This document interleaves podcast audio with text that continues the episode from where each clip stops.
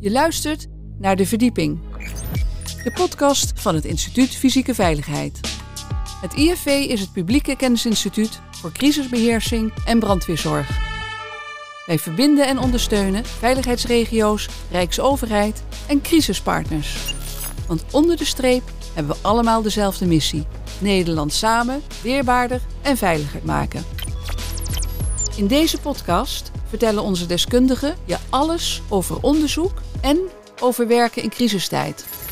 Wat gebeurt er achter de schermen om een crisis te voorkomen? En wat moet je doen als het toch misgaat? Hier is presentator Frank Huizinga. In Nederland krijgen we als gevolg van klimaatverandering in toenemende mate te maken met extreem weer, zoals droogte, overstromingen en zware stormen. De klimaatcrisis wordt door sommige politieke partijen de verborgen pandemie genoemd. En er is geen planeet B. Kortom, een thema waar we niet omheen kunnen. Wie pakt hier in de voortrekkersrol? En wat is er nodig voor een structurele aanpak om Nederland weerbaarder te maken tegen klimaatverandering? Daarover gaan we in gesprek met Menno van Duin, lector crisisbeheersing bij het Instituut Fysieke Veiligheid. Welkom Menno. Ja, dank. De watersnoodramp in Limburg deze zomer laat zien dat we de klimaatverandering serieus moeten nemen. De beelden van overstromingen en verwoestingen in eh, België, Duitsland en ook in ons eigen land moeten ons nu toch wel een beetje wakker hebben geschud. Ja, zeker, zeker. Kijk, wat, wat, wat we steeds zekerder weten, door, ik ben geen klimaatdeskundig, maar door, als je erover leest en, en, en de stukken tot je neemt, wordt dat wel steeds duidelijker, is dat de kans op grote verstoringen steeds groter wordt. Hè? Door, ze zeggen vaak zo van tien maal zo grote kans van, extremen als, als weet ik wel, 30, 40 jaar geleden. Dus, dus het is niet zo dat, dat we nu iedere week een dergelijke overstroming gaan krijgen. Maar vroeger zou dat eens in de 200 jaar zijn. En nu is het misschien eens in de 20 jaar. En dat, dat geldt voor dit, maar dat geldt ook voor andere vormen van extreem weer. Of het nou stormen betreft of, of langdurige droogte. dus de extreme, de, de kans op extremen, enorme regen, et cetera, die nemen alleen maar toe. En dat maakt natuurlijk dat, dat, dat je meer klimaatcrisis, uh, ook, ook korte, hè, een kortstondige klimaatcrisis hebt, uh, dan, dan dat je vroeger zou hebben. Ja, maar in 1993 en 1995 is Nederland ook ten nauwe nood ontsnapt aan een watersnoodramp. er werden veel mensen geëvacueerd, 250.000 mensen. Ja, ja, klopt. Hebben we wat geleerd van die overstromingen? 25 ja, jaar zeker. Kijk, 93 en 95 waren en, en, uh, waren interessant. In 14, 14, maanden tijd ging het twee keer mis. In 93 riep ik zelf rond in het, uh, in het zuiden en uh, in, in, die steden. En zag je gewoon, ja, men was helemaal niet klaar voor. 14 maanden later zag je al dat men in ieder geval wat voorbereiding had gepleegd. Hè? In Roermond en Venlo waren er allerlei al semi-nooddijkjes gemaakt. Wat ze 14 maanden daarvoor in 93 niet deden. Um, maar daarna was duidelijk van, ja, hier moet je wel iets aan doen. En volgens mij zijn ze toen redelijk snel begonnen met, met plannen ontwikkelen. Het ideeën van hè, ruimte aan die rivieren, maaswerken, et cetera. En uh, in eerste instantie ook bij deze overstroming was dan heel snel, of dreigende overstroming was het beeld. Nou, kennelijk uh, hebben we niks geleerd, want uh, het ging weer net zo hard mis. Of het is weer net zo'n probleem. Maar volgens mij als je als je de geluiden goed hoort, is het wel zo dat als je die maatregelen na 95 niet had genomen, uh, er nu veel meer problemen geweest zouden zijn. Dus, dus de, de, de maatregelen, de maaswerk en, al, en de ruimte voor de rivieren, et cetera, betekende zeker dat een aantal bedreigingen die, die er toen waren, uh, nu veel erger geweest zouden zijn met de, met de waterstand en de hoeveelheid water die op dat moment binnenkwam. Tegelijkertijd, wat je nu zag, toen was heel erg de aandacht gericht op de Maas en de Rijn, op de hoofdrivieren. En nu zie je dat de Gulp en de Geul en, en, en de Roer, de, de kleine rivieren die, ook, die water ook aanstromen richting Maas, dat die, dat die ook uh, veel hoger stonden. En, en dat eigenlijk door, het grootste probleem zat, zat in plaats uh, als Valkenburg. Ja, Valkenburg ligt helemaal niet aan de Maas, maar die had dus inderdaad aan de Geul zijn probleem. En dat was eigenlijk wel nieuw. Hè? Dat, dat zag je in 95 en 93 niet op zo'n manier. Ja, Dat zegt ook iets over de snelheid waarmee het kwam. Hè. Toen kwam het echt allemaal via die, die Maas. En nu kwam het dus van, van regen die ter plaatse zich bijna voordeed. En de enorme snelheid opeens die waterstand van die kleine, kleine riviertjes en die beekjes omhoog ging. En dat was eigenlijk wel wat, wat anders dan de vorige keer. En hoe heb je daarvan geleerd? Nou ja, dat was er niet. Uh, voor mij is überhaupt een les van altijd, van iedere crisis, dat het natuurlijk een deeltje eender is als een vorige, maar dat er ook altijd wel weer nieuwigheden en, en nieuwe elementen in zitten, die maken dat het ook juist crisis wordt. Nou, zo stelt de gemeente Valkenburg, het waterschap van Limburg en ook de provincie Limburg voor om een andere structurele aanpak uh, te hebben uh, om toekomstige overstromingen te voorkomen.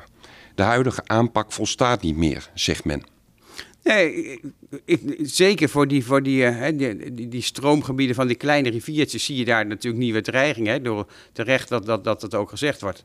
En wat je ook ziet, dat heeft natuurlijk ook te maken met Ehm, met het grenzeloze aspect van crisis. Ehm, dat zag je hier natuurlijk ook heel sterk. Een, een deel van, van de problemen die zich in, Nederland voordoen, ja, die worden natuurlijk buiten Nederland veroorzaakt. Hè, door de regen in België en in Duitsland. Die komt uiteindelijk in belangrijke mate weer hier binnen.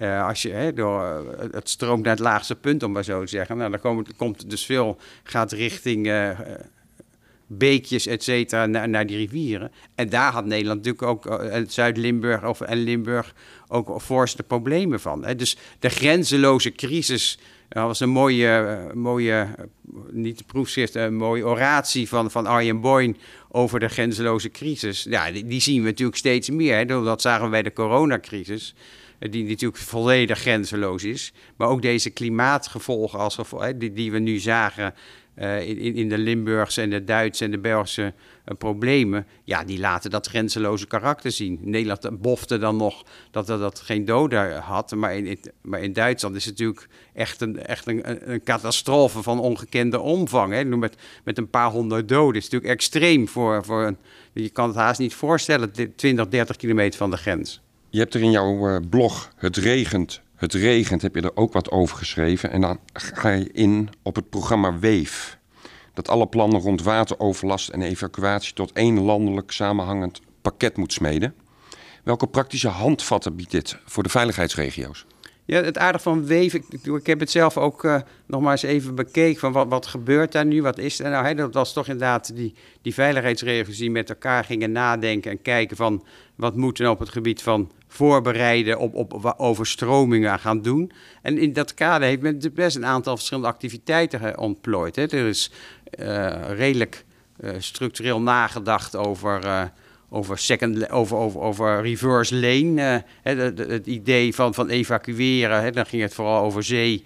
Als het, het water uit zee komt en, en het zou overstromen, dat Den Haag en Rotterdam en weet ik veel wat allemaal over die snelweg kunnen. Twee banen, hè, niet, uh, niet de, alleen maar de eigen rijbaan, maar ook die andere. Nou, zulke dingen is, is, is nagekeken. Nou, dat blijkt dan helemaal niet zo'n super grote oplossing te zijn zoals dat in de Verenigde Staten bij Katrina zo welkom. En dus dan zie je dat dat zinvol is. Er zijn rapporten gemaakt over evacueren. Er zijn rapporten gemaakt en, en, en handreikingen gegeven over wat, wat voor zaken spelen er rond, rond het redden van personen. Wat kan je daarmee? Er zijn, er zijn rapportjes en evaluaties en stukken gemaakt rond, eh, wat zeg ik, rond herstel en nafase na een overstroming. Wat betekent dat dan? Dus langs die lijn van Weef is, is een aantal activiteiten ontplooid. Uh, die, veiligheidsregio's uh, wel kunnen ondersteunen. Als zich, zowel als er iets voordoet, als ook erna nog, hè, door die, die nafase, et cetera. Menno, ik zie je denken. Wat brandt er op je lippen? Ja, misschien toch nog eventjes iets. We, we zitten nu heel erg ons te richten op, op, op die preparatie en respons. Hè. Daar bij evacuatie ook, terecht. Uh, tegelijkertijd is het ook wel goed om even na te denken van... Kunnen we, kunnen we het beperken, ook bij de veiligheidsregio's, ook in datgene wat we hier doen binnen het IFV, kunnen we ons beperken tot, tot nadenken over preparatie en respons? Of moeten we ook met elkaar gaan kijken of juist dit niet een onderwerp is waar preventie zo belangrijk is en, en nadenken over mentaliteitsverandering zo belangrijk is, dat je ook met elkaar gaat kijken, ja, misschien moet je daar als veiligheidsregio's en als IFV ook wel gaan nadenken, kan je daar niet een rol gaan, gaan vervullen? Misschien... Ja, geef zelf het antwoord dus. Nou, ik denk het wel, van, gezien het feit dat... Ehm, kijk, eigenlijk zou je kunnen zeggen, hè, bij heel veel van die rampen en crisissen kan je eigenlijk zeggen van Tuurlijk moet je allerlei dingen voorbereiden, et cetera. En, maar als het misgaat, is het ook wel een beetje ja, jammer. Je ruimt de zaak weer op en je gaat weer over op de orde van de dag. Heel cru gezegd. Hè? Na brand, het, is, het, het gebouw is afgebrand. Maar je, je, bouwt wel weer een nieuw, nieuw gebouw, et cetera. Door in de brand uit te branden, bij wijze van spreken. En dat geldt natuurlijk voor, andere, voor cybergevolgen en terrorisme ook. Het is heel vervelend, maar je ruikt de rotzooi op en je gaat over op de orde van de dag. En dat is nou net eventjes iets anders bij die klimaat. Hè. Die CO2, uh, uh, die, de hele klimaatadaptatie, de energieadaptatie en, en de klimaatgevolgen, de klimaatadaptatie die nodig is is er juist vanwege het feit dat daar uiteindelijk geen stop op is. Als het echt misgaat, kan je niet zeggen we ruimen de rotzooi weer op, want er is er gewoon niks meer om op te ruimen. Want dan zijn wij er gewoon niet meer. De mensheid heeft natuurlijk die aarde nodig. En die, als die CO2-uitstoot gewoon zo doorgaat zoals die nu gaat, uh, met, met die snelheid, dan gaat het uiteindelijk een keertje kant mis. En, en, en die, die snelheid waarmee dat misgaat, die, die neemt alleen maar toe. De kans, niet, niet zozeer de kans, maar de snelheid van misgaan versnelt in wezen.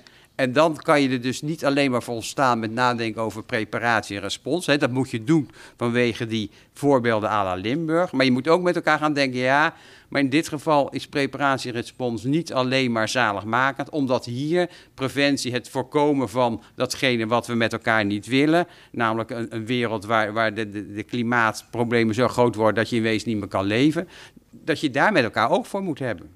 En dat is een, mondiaal probleem. En dat is een probleem waar gemeenten mee werken. Maar ik denk ook waar je met elkaar moet kijken. Ja, op wat voor manier kunnen veiligheidsregio's daar weer een, een rol in spelen? En, wat kan het IFV betekenen voor die veiligheidsregio's op dat, op dat punt? Niet dat we hier grootse dingen moeten gaan doen, dat wij de grote preventiedeskundigen worden, maar wel dat je ook meedenkt van hoe, hoe kan je nou, welke, welke rol speelt nou die mentaliteitsverandering? Welke rol kan je daar ook als veiligheidsregio's richting gemeenten met elkaar spelen? En wie zou volgens jou die handschoen moeten oppakken? Rijk? Ja, tuurlijk. Kijk, sowieso het Rijk maar het Rijk is niet alleen. Hè. Uiteindelijk, je ziet natuurlijk sterk dat een grote gemeente, een aantal grote gemeenten daar ook echt veel aan doen. Maar die kleintjes daar soms helemaal de capaciteit en de menskracht niet voor hebben. En wie weet zou je dan kunnen zeggen, ja, ook daar kan je denken, kan je daar niet bundeling komen. Zoals, en de veiligheidsregio is niet alleen maar een, een slagorganisatie, een slagkrachtorganisatie.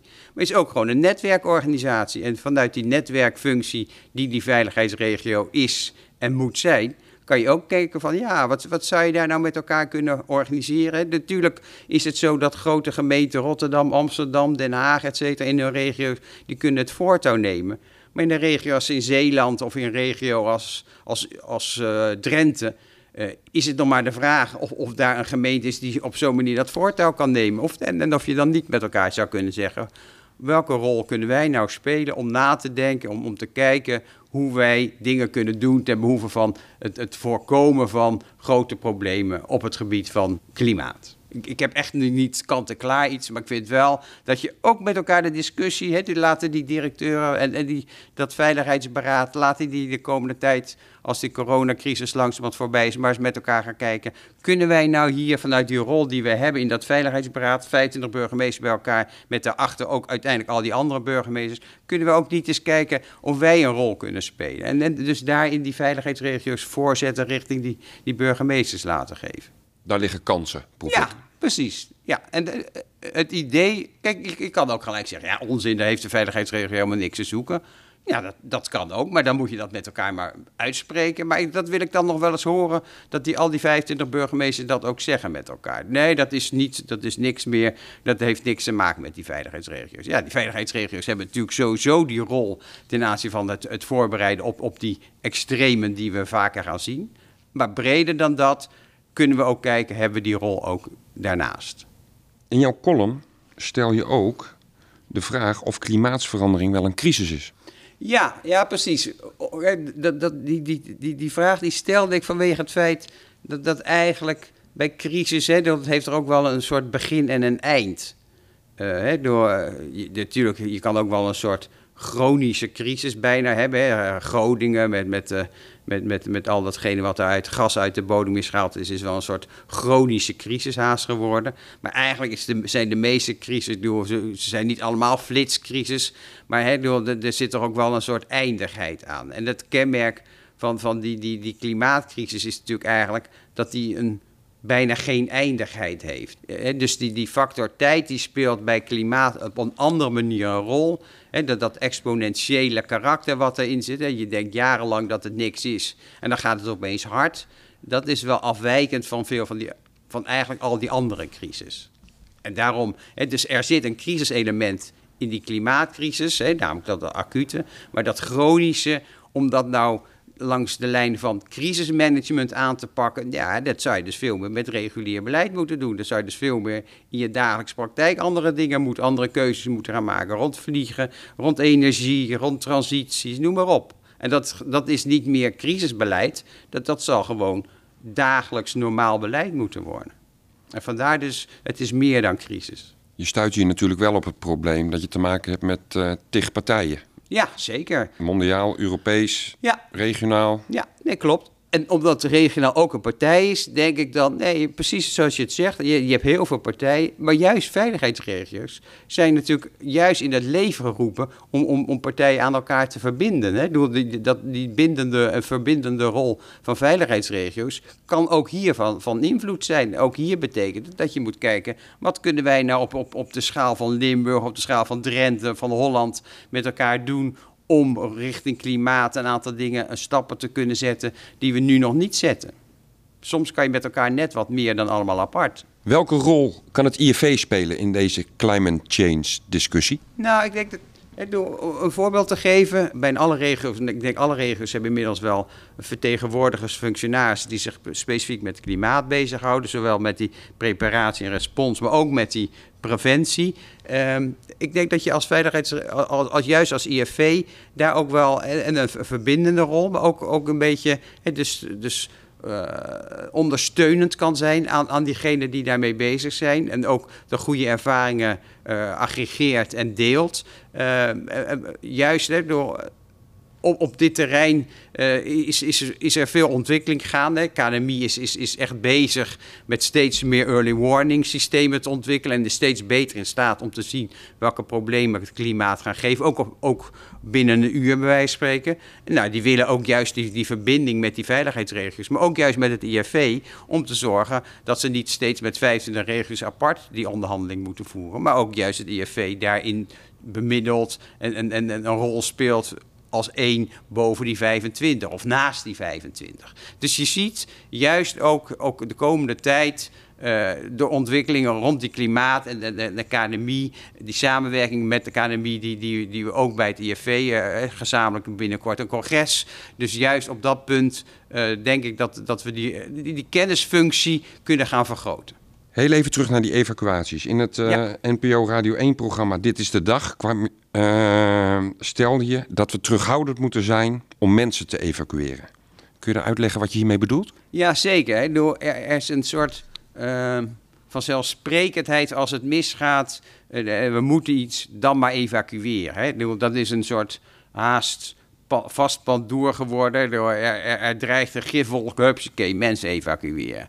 Nou, eigenlijk laat heel veel onderzoek zien dat evacueren echt een zeer ingrijpend proces is voor burgers, voor, voor, voor mensen die, die hun huizen moeten verlaten. En dat je redelijk terughoudend moet zijn, dat het niet een vanzelfsprekende optie is. Natuurlijk is het een optie, maar wel een last resort optie om te zeggen mensen, het is handiger, het is verstandig om die huis uit te gaan. Zeker omdat dat vaak dan toch gebeurt er redelijk aan het eind van de rit. Hè?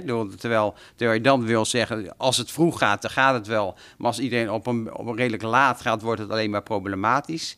Dus dat, dat speelt mee. En daarachter, hè, juist vanwege de...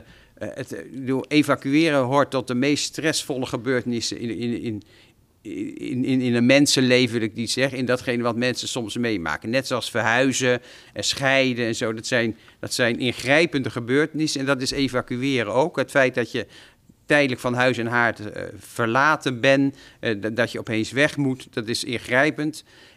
tuurlijk is, moet je erover nadenken dat het soms een optie is, maar je moet ook wel beseffen dat de, de impact ervan groter is dan vaak verondersteld. Dat is eigenlijk datgene wat ik er wil mee zeggen. Dat wat past ook. Hè, we hadden vorig jaar. Uh, of het jaar daarvoor was uh, ja, 2020 was er die brand bij, uh, in Limburg bij de Mijnweg. En daar ging eigenlijk ging men te gemakkelijk over tot evacueren van, van een groep van binnen de gemeente. Waarvan je zegt, ja, eigenlijk ook gezien de risico's die er waren, is het te gemakkelijk het idee van, nou ja, als we het niet helemaal weten, dan gaan we maar evacueren. Nee, dan, daar is de evacueren veel te ingrijpend voor. Daar moet je terughoudend in zijn. Dan hebben we ook te maken met meer droogte. Meer natuurbranden, dat zien we ook wereldwijd, zien we Europees. Griekenland, Italië, maar ook in Nederland. Moeten we daar hetzelfde traject gaan volgen? Valt dit onder dezelfde categorie wat we net hebben besproken met, uh, met de overstromingen?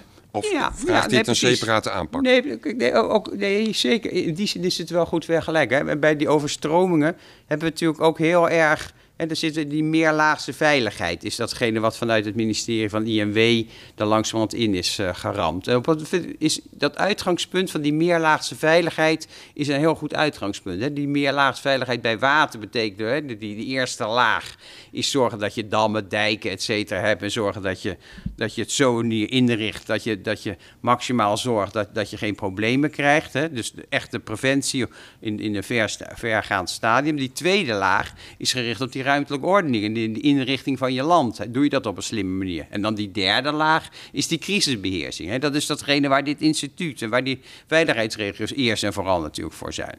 En dat zou je dus, datzelfde geldt natuurlijk ook wel voor die branden, ook, ook voor die natuurbranden. Ook daar, en terecht zie je natuurlijk ook dat, dat die veiligheidsregels niet alleen maar meer bezig zijn met die crisisbeheersingslaag, maar ook meedenken bij die eerste en die tweede laag. Namelijk, hoe kan je nou zorgen dat je een aantal dingen preventief zo organiseert dat die branden uh, überhaupt de, de, de, kans erop en, en zeker dat ze groot worden uh, klein blijven. Hè. Al is het maar door, door door, door na te denken van hoe, hoe, richt je nou je ruimte in. Dus dan komt dus ook het inrichten van het gebied en het nadenken over het, het überhaupt voorkomen Hè, door, ik zag weer een uitspraak van, van de brandweercommandant. Hè, door, als je iets weet van natuurbrand is wel dat je het moet voorkomen. Want als het er eenmaal is, is het bijna hè, onbeheersbaar. Dus ook daar zie je dat, dat je ook daar terecht ziet dat die brandweer en die, die regio zich steeds meer richt in wezen op die eerste laagsveiligheid.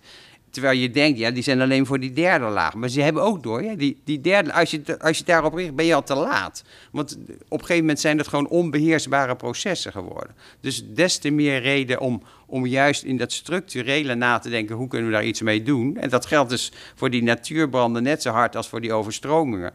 En, de, en dat, voor dat klimaat in het geheel dus. Veel meer aandacht ook dus voor die veiligheidsregels. Wat ze terecht al doen op die natuurbranden. Dus breder aandacht voor, voor die eerste laag veiligheid. Namelijk, hoe, wat, welke rol kan je nou spelen om te voorkomen dat je die problemen gaat krijgen? En die problemen bij klimaat is een CO2-probleem. Dus ook daarin kan je nadenken. Ja, wat betekent dat dan? Dan zit je al vele jaren bij dit instituut. Als je nou terugkijkt naar de eerste jaren en naar uh, de laatste jaren, zie je dan een trend in crisis? Zie je een ontwikkeling? Nou kijk, sommige dingen die blijven komen. Ik kwam hier in 95 binnen en toen ging ik gelijk uh, aan de slag met, uh, met de, de, wateroverlast van 95. Hebben we toen hier gelijk een boekje van gemaakt. Daar begon het ongeveer mee.